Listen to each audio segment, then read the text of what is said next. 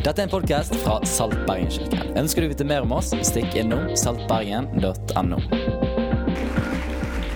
Høsttakkefest eh, to ganger i året i Bergenskirka også, som i Filadelfia-kirka hjemme hos meg, hvor eh, vi prøver å se på dette med forvaltning og givertjeneste.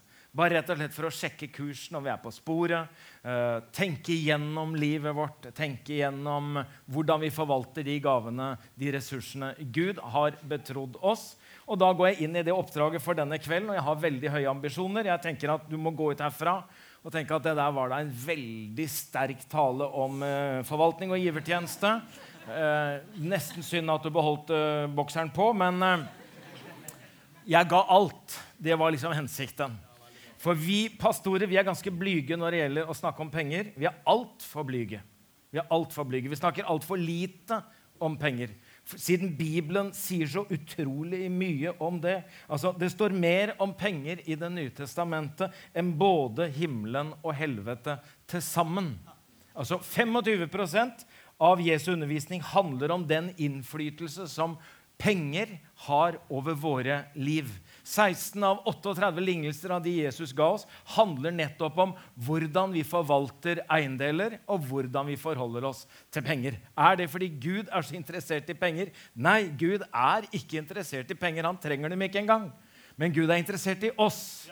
Og så vet Gud at det som styrer så utrolig mange av våre viktigste valg, hvem vi gifter oss med, hvilken jobb vi tar, hvor vi velger å bo, hvem vi velger å være sammen med. Alt dette er veldig og altfor ofte valg basert på pengenes innflytelse over vårt liv. Og fordi Gud er interessert i oss og ikke penger, så vil han at vi skal tenke igjennom om vi er pengenes tjenere, eller om pengene tjener oss. For pengene er gode tjenere, men de er utrolig dårlige som herrer. Og Jesus har sagt til oss at dere skal ikke samle skatter på jorden, hvor møll og mark ødelegger, og hvor tyver bryter inn og stjeler. Men dere skal samle skatter i himmelen der verken møll eller mark ødelegger, og tyver ikke bryter inn og stjeler. Og så tenkte jeg vi kunne lese sammen. For der skatten din er, vil også hjertet ditt være. En gang til. For der hvor ja. Det var derfor Åge Samuelsen mente at han ville være nullskattyter. Han mente at det var bibelsk, for der hvor skatten din er, vil også hjertet være. Jeg tror det er en for enkel tolkning, men han var vel kanskje inne på sporet. Eh, og Gud er interessert i hjertet ditt. Derfor er han interessert at du skal tenke gjennom forvaltning og penger og eiendeler. Det er Martin Luther som sa at en kristen går igjennom tre faser av forvandling. Det første handler om sinnet, tankegangen. Det andre handler om hjertet. Og til slutt, det som sitter dypest inne og lengst nede, det er rett og slett lommeboka. Hva vi gjør med pengene. Det er et eller annet sånn at man nesten kunne si Vis meg ditt regnskap, så skal jeg si deg hvem du er. Altså, Hvordan vi forvalter og bruker eiendeler og penger, sier så utrolig mye om hva som er viktig i våre liv. Og Jeg tenkte jeg skulle ta dere med til to kapitler, faktisk. Ikke fordi at vi får lest gjennom alt. Bare lyst til å minne deg på 2. Korinterbrev, kapittel 8 og kapittel 9. For disse to kapitlene handler om den store innsamlingen til de fattige lidende i Jerusalem. Det er Paulus som skriver dette i 2. Korinterbrev. Han skriver det fra Makedonia, og så skriver han til korinterne. Han skriver det fra Makedonia, der hvor menighetene i Berøa, Filippi og Tessaloniki befinner seg. De er fattige.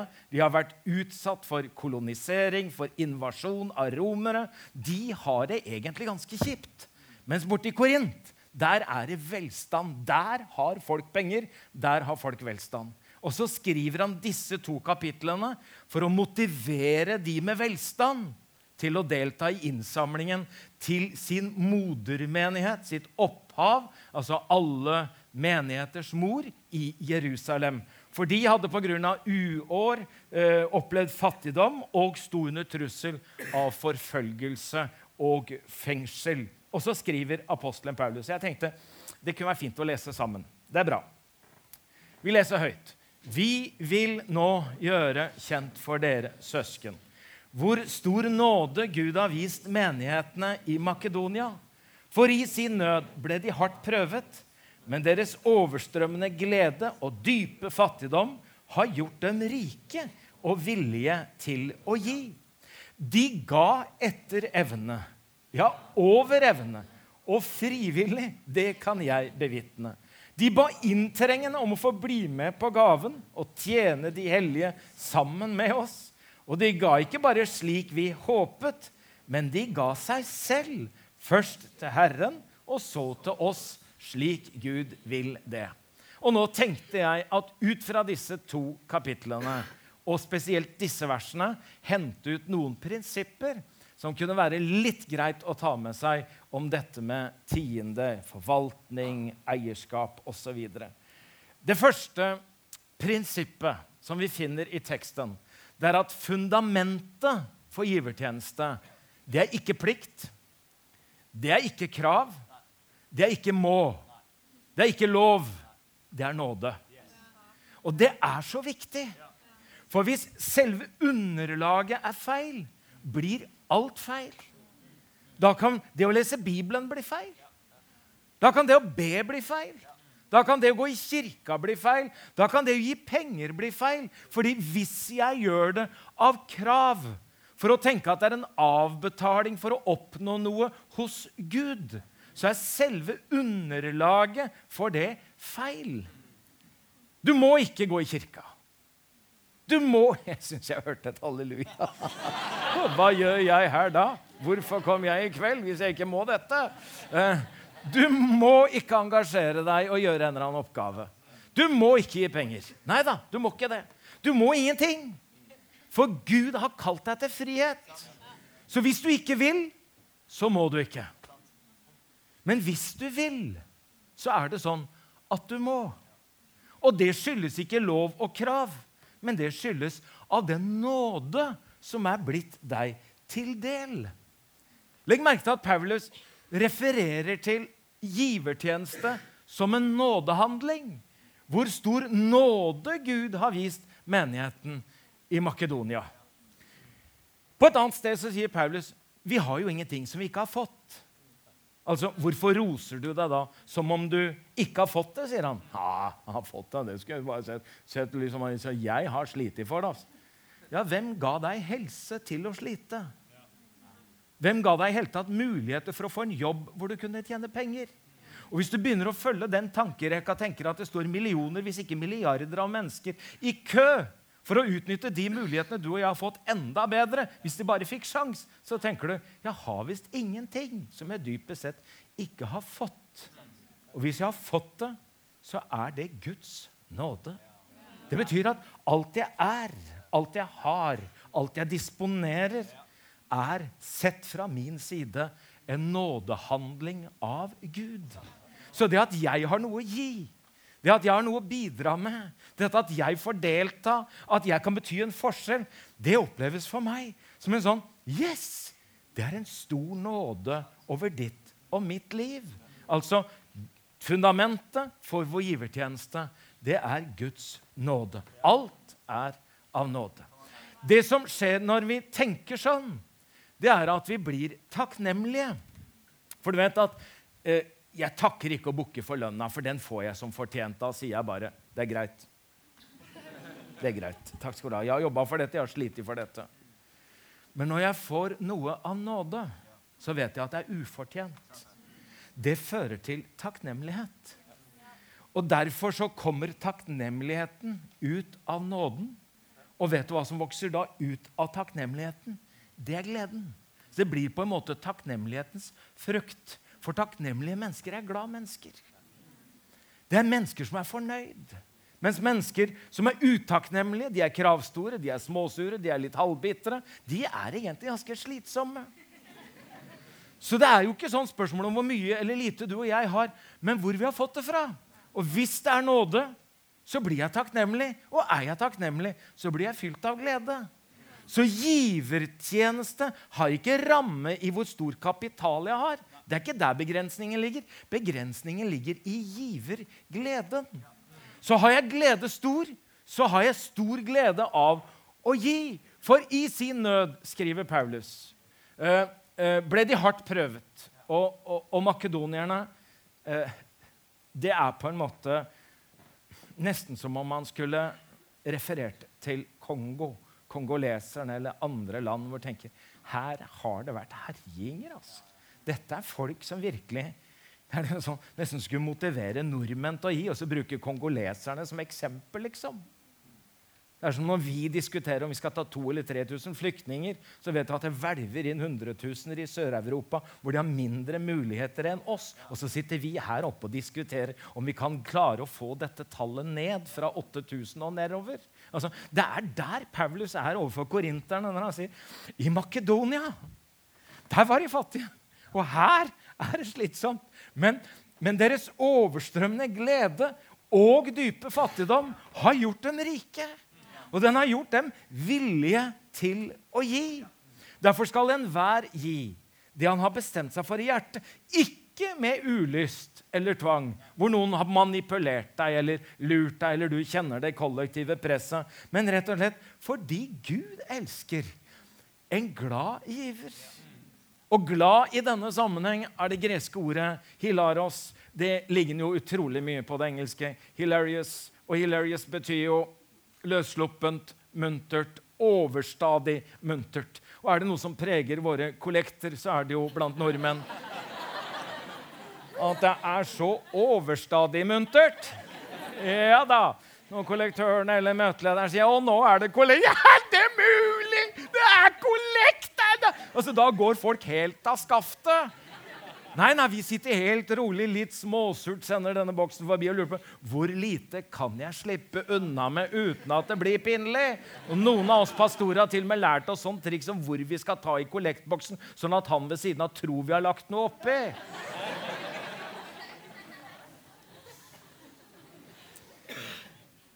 Jeg har jo vært på besøk andre steder enn i Norge, og jeg mener afrikanerne kan dette med kollekt. altså. Her er det ikke snakk om å sende noen bøsser rundt. altså. Her skal hele menigheten rundt bøssa. Ja, ja, men altså. Og ikke bare én gang, men flere ganger. Og det er jo fantastisk. Vi har både en eritreisk og vi har en ghanesisk forsamling i Filadelfia-kirka i Oslo. Og bare det å være med på offergangen er jo bare det er liksom, Selv om jeg ikke kan danse, altså, så går jeg med tieren min, og jeg er bare helt på. Ass. Men, jeg mener, har du fått deg en tier? og kjenner at jeg slipper å sitte stille fordi jeg ikke har noe å gi. Men jeg kan gi. Og det er bare sånn Og det er av nåde. Og dette tar bare helt av.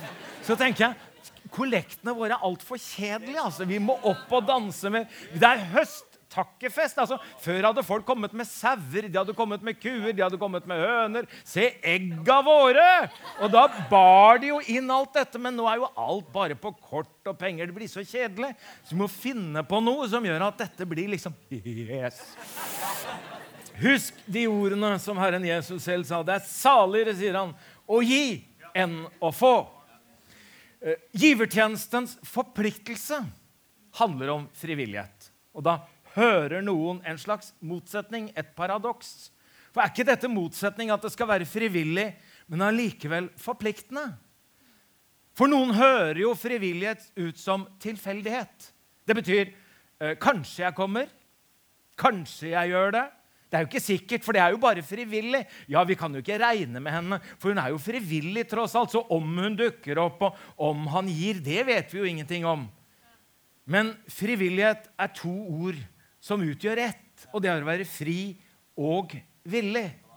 Og det betyr ikke at man er uforpliktende og tilfeldig. Nei, for å bevare min frihet velger jeg å forplikte meg på det som er viktig for meg. Ellers så tar noen andre min frihet. Da heter det okkupert eller occupied. Altså jeg blir tatt inn av noe annet eller av noen andre. Så det jeg bestemmer meg for at jeg vil være fri, betyr at jeg forplikter meg på det som jeg syns er viktigst. Og dermed bevarer jeg min frihet i frivillighet ved forpliktelse. Det hørtes litt komplisert ut, og det hørte jeg sjøl også. Jeg skjønte nesten ikke sjøl hva jeg sa. Eh, jeg skal tenke litt på det, om det stemmer. Men de ga etter evne, disse makedonierne. Ja, over evne. Og de gjorde det frivillig. Og han blir litt sånn Egentlig sier Paulus jeg hadde tenkt å spare makedonierne for dette.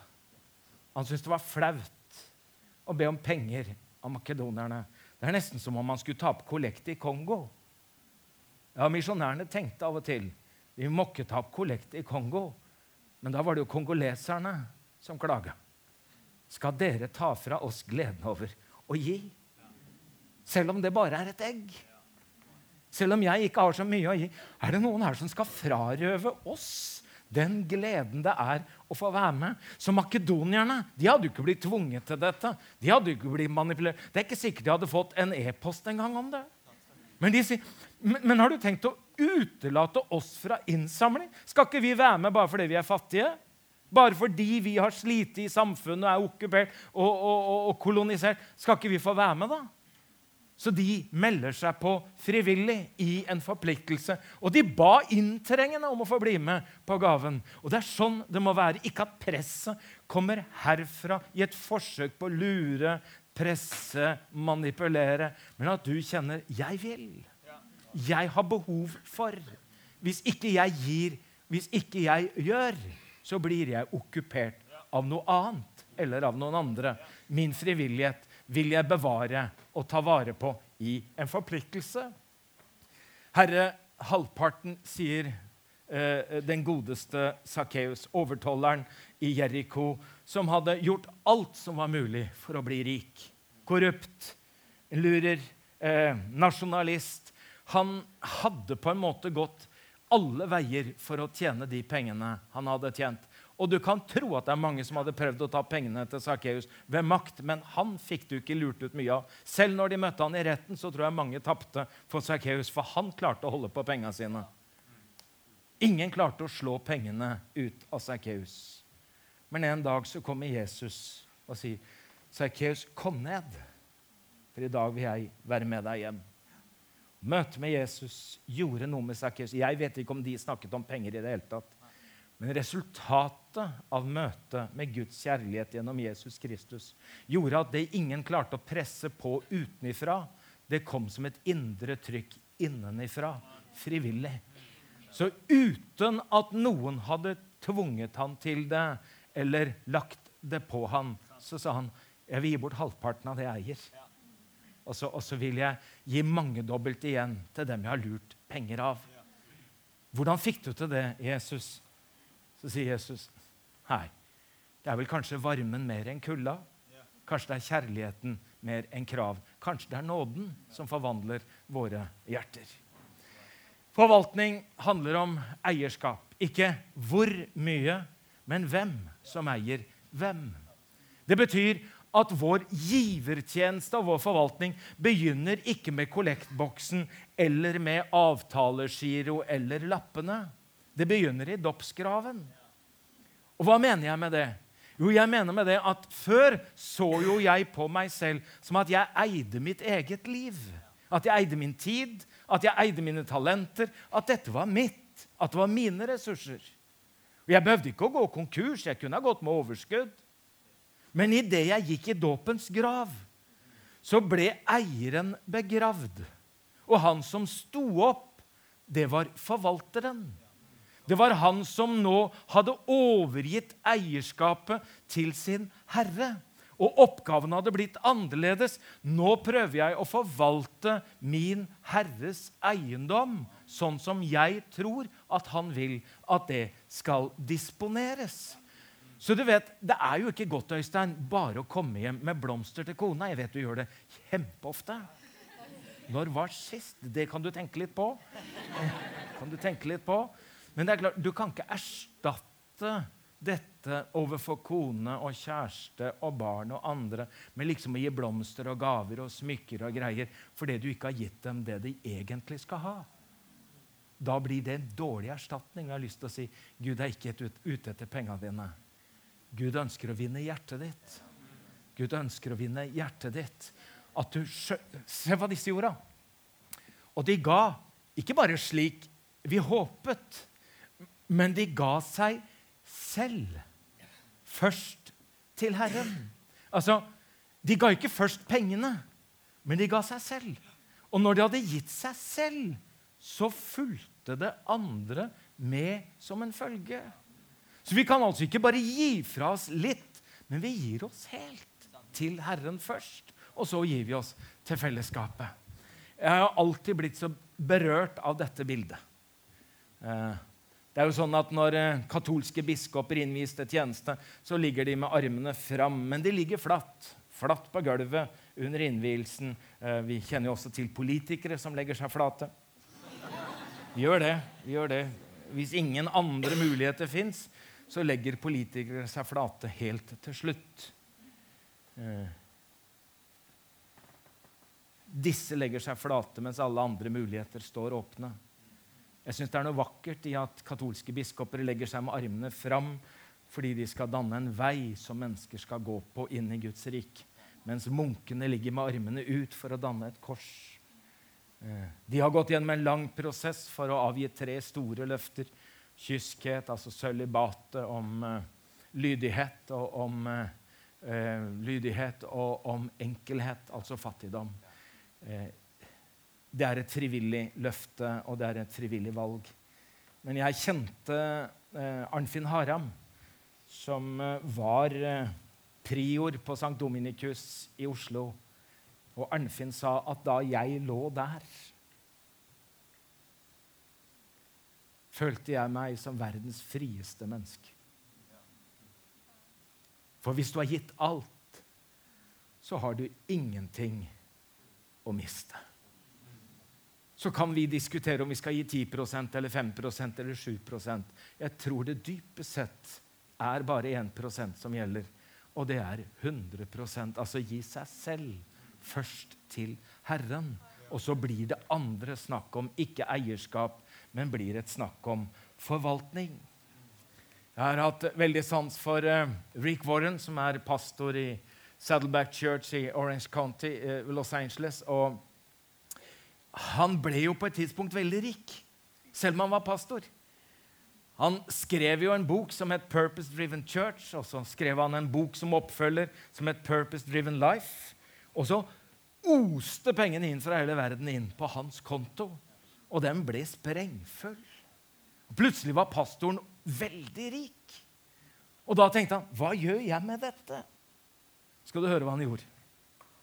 Han bestemte seg for at alt det han hadde tjent i kirka de siste 25 årene, uh, siden han planta og starta kirka, det ga han tilbake som en gave til menigheten.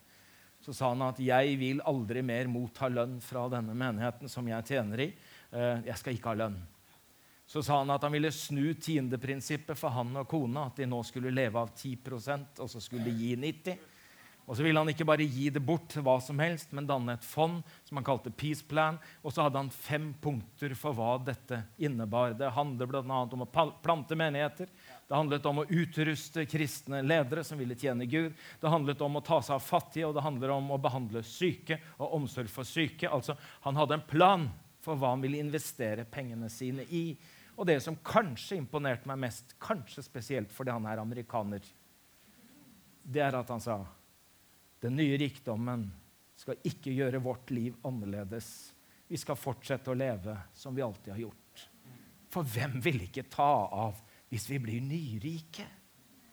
Hvordan tar man et sånt valg? Det tar man ikke når kontoen er full. Dette er verdier man legger inn mens man er student. Fattig student. Det legger man inn kanskje når man er 15 år og 20 år og ikke eier noe som helst. Broren min og jeg hadde to uh, avisruter Aftenposten i Oslo. Han var gammel nok, jeg var ikke gammel nok, så det sto i hans navn. Men vi tok disse rutene sammen. To morgenruter uh, og to ettermiddagsruter. Det var jo ikke all verdens penger, men for oss var det mye. Det var lønning én gang i måneden. Vi måtte ned på Aftenposten, hente lønns, lønningsposen, gikk rett hjem på gutterommet, og så sitter det to gutter på 15 og 16, og så teller vi opp pengene, og så regner vi ut på øret hva 10% er. Ikke fordi noen hadde sagt at vi måtte, men vi trodde at det var sånn det skulle være. Det begynner ikke når du blir rik. Det begynner med det du har, der du er. Når du gjør det, så vil du klare å ta kloke valg en dag om kontoen din renner over av penger. Dere tilhører ikke lenger dere selv, sier Paulus, for dere er jo kjøpt, og prisen er betalt. Jeg hadde vekkelsesmøter i Domkirka i Kristiansand. Jeg var pastor der. og Det ble forlengelse med én uke og to uker og tre uker. og etter hvert ble det vel fire uker. Vi visste jo ikke at det var en forretningsmann oppe i Vennesla som lå med øretelefoner og hørte disse radiosendte møtene og var kalt av Gud. og Det begynte å brenne såpass under livet hans at han sa til kona jeg tror at vi skal være i Spania noen uker. Han tenkte at det kom til å gå over der nede. Men noen på disse fellesmøtene syntes at jeg så litt sliten ut, så sa så fort dette er slutt, Egil, så vil vi at du skal få en ferieuke i Spania. Så når han møtte meg på strandpromenaden i Torvieja, så trodde han at Gud hadde sendt meg etter han.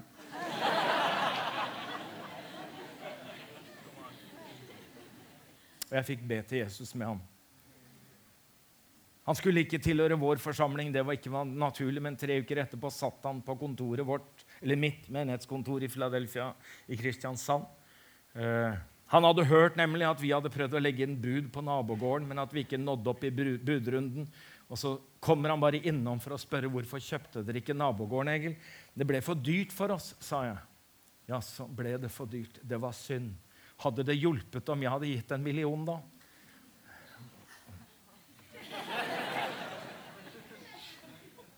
Hørte jeg million?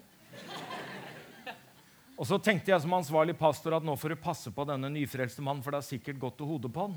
Så prøv å ta litt ansvar, sånn at han nå sikkert er litt overstadig hilarious. Så sa jeg at er det Ja, men er det Ja, men Og så tok han tak i meg. Så sier han, Egil, da jeg ble frelst, fikk mitt firma en ny eier. Overskuddet tilhører den nye eieren. Det er ikke mine penger, Egil. Hvem er jeg som skulle ta de pengene og ikke ta imot dem som allerede tilhørte Gud? Vet, mange av oss blir jo frelst fra rusk og rask. Men Gud vil jo gjennomføre forvandlingen både i sinnet og i hjertet. Også tenkningen av det jeg har, og det jeg eier. For jeg eier meg ikke selv, men Gud eier meg, for han har kjøpt og betalt full pris for oss. Så det store forbildet er jo ja, makedonerne. Ja, mennesker som vi har møtt. Eh, Rick Warren, ja. Nils i Kristiansand, Vennesla, ja. Det er gode forbilder for meg. Maria, ja, enken her i Bibelen er Sakkeus. Altså, det er massevis av forbilder. Men hvem har disse som forbilde? Det store forbildet. Det er han som eide alt i himmel og på jord. Han kunne si om et fjell, han kunne si om et vann, han kan si om et hav. Det er mitt, og han hadde rett, for han hadde skapt. Men eh, jeg sier ikke dette som en befaling, men jeg nevner de andres iver for å prøve om kjærligheten er ekte hos dere. For dere kjenner vår Herre Jesus Kristi, Jesus Kristi nåde. Enda han var rik, ble han fattig for deres skyld så dere skulle, dere skulle bli rike ved hans fattigdom. Altså, han var rik av seg selv. Sin egen frivillige bestemmelse valgte han å gi alt, og han døde som en fattig mann. Men han har gjort alle rike. Er han da fattig? Jeg tenker at det er dette som preger oss. Ja, vi kan gå i kirka på askeonsdag 40 dager før påske. Starten på påske, eh, på, på fastetida. Få et askekors i panna. Det er fantastisk flott, men det tar seg jo ikke ut. Tenk deg å komme på jobben på studiestedet med et askekors i panna. Kanskje du har litt høy lugg, sånn som jeg har. Eh, det blir jo veldig pinlig synlig, da. Ja. Og Tradisjonen er at det skal jo ikke vaskes, vaskes bort samme kveld, for vi må vente til skjærtorsdag, for skjær betyr skir og rense. Så askekorset skal jo egentlig ikke vaskes bort før skjærtorsdag. Men da, innenfor langfredag, så blir mitt kors borte i skyggen av hans kors, som bar det store kors. Men jeg vil at hans kors skal prege mitt liv. Sånn at det samme sinnelag som var i Kristus Jesus, skal være i min tankegang At jeg ikke nødvendigvis skal bli rik selv, men jeg vil gjøre andre rike. At jeg har en korsmerket kalender som gjør at jeg er så heldig å få bo i Norge, hvor staten allerede har merka en hel del dager med rødt. Og det er jo ikke bare fordi at det er slutten på en helg, men det er en hellig dag. Altså, De har bestemt at visse dager skal være hellige dager, og visse ferietider er høytidsdager. Det betyr at jeg allerede har fått hjelp til forhåndsbestemme meg om hva jeg vil bruke tid til. Og noen mennesker er jo da villige til å forplikte seg i frivillighet og si jeg kommer ikke bare dersom, hvis, så fremt i fall, men du kan regne med meg. For jeg har forpliktet meg i frivillighet. For min frelse handler også om min tid. Og så er vi så heldige i Norge at vi har ferdig korsmerka kroner, så vi veit jo hvem, hører, hvem dem hører til. Det er jo fantastisk. Det kunne vært merka med hva som helst, men så tenker jeg det minner oss på at alt vi har, har vi fått for å forvalte. Og da tenker jeg at forvaltningen og givertjenesten må ha en orden. Og alt i Bibelen handler egentlig om struktur på dette, ikke impuls. Ikke først og fremst følelser og 'Å, nå har jeg mye Nei, nei ingenting. Og nå er jeg blakk. Og, nei, men orden og struktur. En slags fasthet i givertjeneste. Det handler om orden på hvor jeg gir det faste, og at jeg gjør det ikke til alle slags formål, men at jeg gir det i det fellesskapet som jeg hører hjemme. Det skulle jo tatt seg ut om at jeg ikke betalte husleie hjemme fordi jeg syntes det var mer interessant å bruke penger på noe annet. Og Sånn blir det jo i menighetsliv også. Det blir en hel del ting som vi er enige om at dette gjør vi. Og Derfor så gir vi fast et fast sted, og så kan vi gi andre steder også. Og så gir vi et fast beløp, og jeg tenker at tiende er en god ordning. Ikke som et tak, men som et godt gulv å stå på. Og så har vi fått hjelp til å gjøre dette på faste tidspunkt ved faste avtaler. Sånn at folk som meg, som er litt ustrukturerte og ikke er helt sikre på om vi har penger på oss, eller om det er penger på kontoen, så tenker vi dette kan jeg få ordna ved at jeg får gitt på et fast tidspunkt med en fast ordning. Og så skal hver, sier han i denne sammenhengen, hver enkelt legge til side og det behøver vi ikke lenger, for vi kan gi på avtalegiro. Så du er litt gammeldags der, Paulus. Men jo, jeg syns ikke han helt hadde fått med seg dette med nettbank, og at det nå ikke er ukelønn, men månedslønn. Så vi får prøve å oppdatere Paulus litt på det. Men dette med orden visste han mye om. Og da har jeg prøvd å si litt om at givertjenestens fundament er nåde. At forutsetningen er glede. At forpliktelsen handler om frivillighet. At forvaltningen avdekker eierskapet og det store forbildet vårt. Det er Jesus Kristus. Og da har dere sikkert veldig interessert i å høre om Knut. Helt til slutt. Det er så lenge siden at han fikk med seg bare to kroner av moren sin når han skulle på søndagsskolen.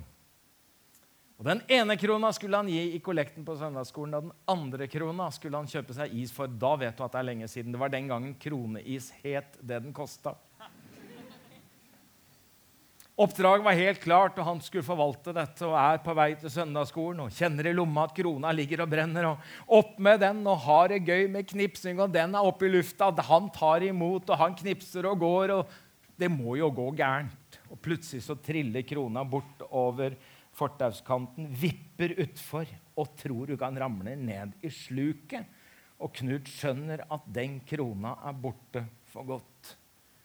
Og ser Knut litt trist opp mot himmelen og sier det var synd, for det var krona di, Gud.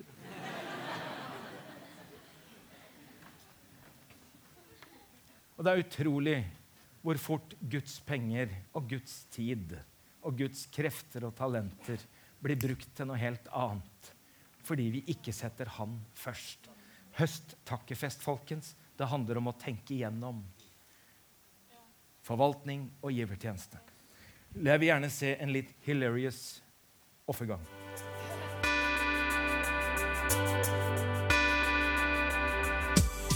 Takk for at du har lyttet til podkast fra Saltbergenkirken. Vår visjon er å lede mennesker til et nytt og bedre liv gjennom etterfølgelsen av Jesus. Følg gjerne med på hvordan vi realiserer dette, og hvordan du kan delta ved å besøke saltbergen.no.